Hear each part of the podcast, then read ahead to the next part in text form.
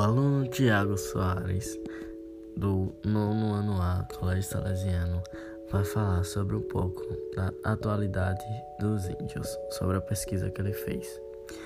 De acordo com a Fundação Nacional Os Índios, FUNAI, a atual população indígena no Brasil é de aproximadamente 818 mil indivíduos, representando 0,4% da população brasileira, vivendo em aldeias samas de 503 mil indígenas.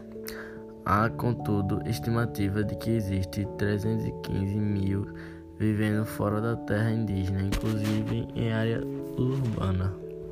A população indígena no país vem aumentando de forma contínua há uma taxa de crescimento de 3,5% ao ano.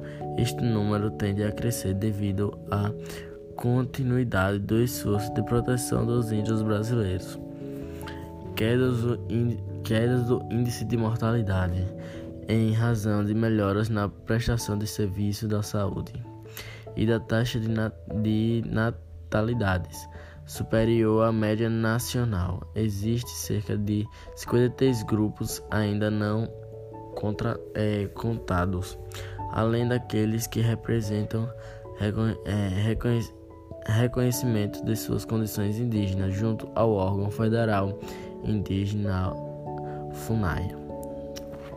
Cerca de 60% dos índios do Brasil vivem em região designadas como Amazônia Legal registrada-se na presença do grupo indígena em praticamente todas as unidades de federação. Somente no estado, no estado do Rio Grande do Norte, Piauí e no Distrito Federal não registra-se a presença do grupo indígena. De acordo com a FUNAI, os índios brasileiros estão divididos em três classes os isolados, considerados aqueles que vivem em grupos desconhecidos de que se possui poucas vagas. Informes através, informantes através de contratos em virtuais, com elemento de comunicação nacional. Os em via de integração, aqueles que conservam parcialmente as condições de sua vida nativa mas aceita algumas práticas e modas de existência comum aos desnormais, setores de comunhão nacional e os integrados, ou seja, os nativos incorporados à comunhão social e reconhecido como pleno exercício nos direitos civis, ainda que conserve o uso de costumes, tradições, características da sua cultura.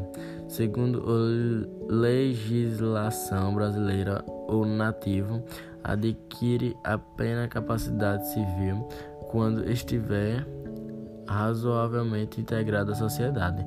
Para que tal aconteça, é necessário que tenha uma boa compreensão dos usos de costumes da comunhão nacional, conheça a língua portuguesa e tenham a ideia mínima de 20 em 20 anos.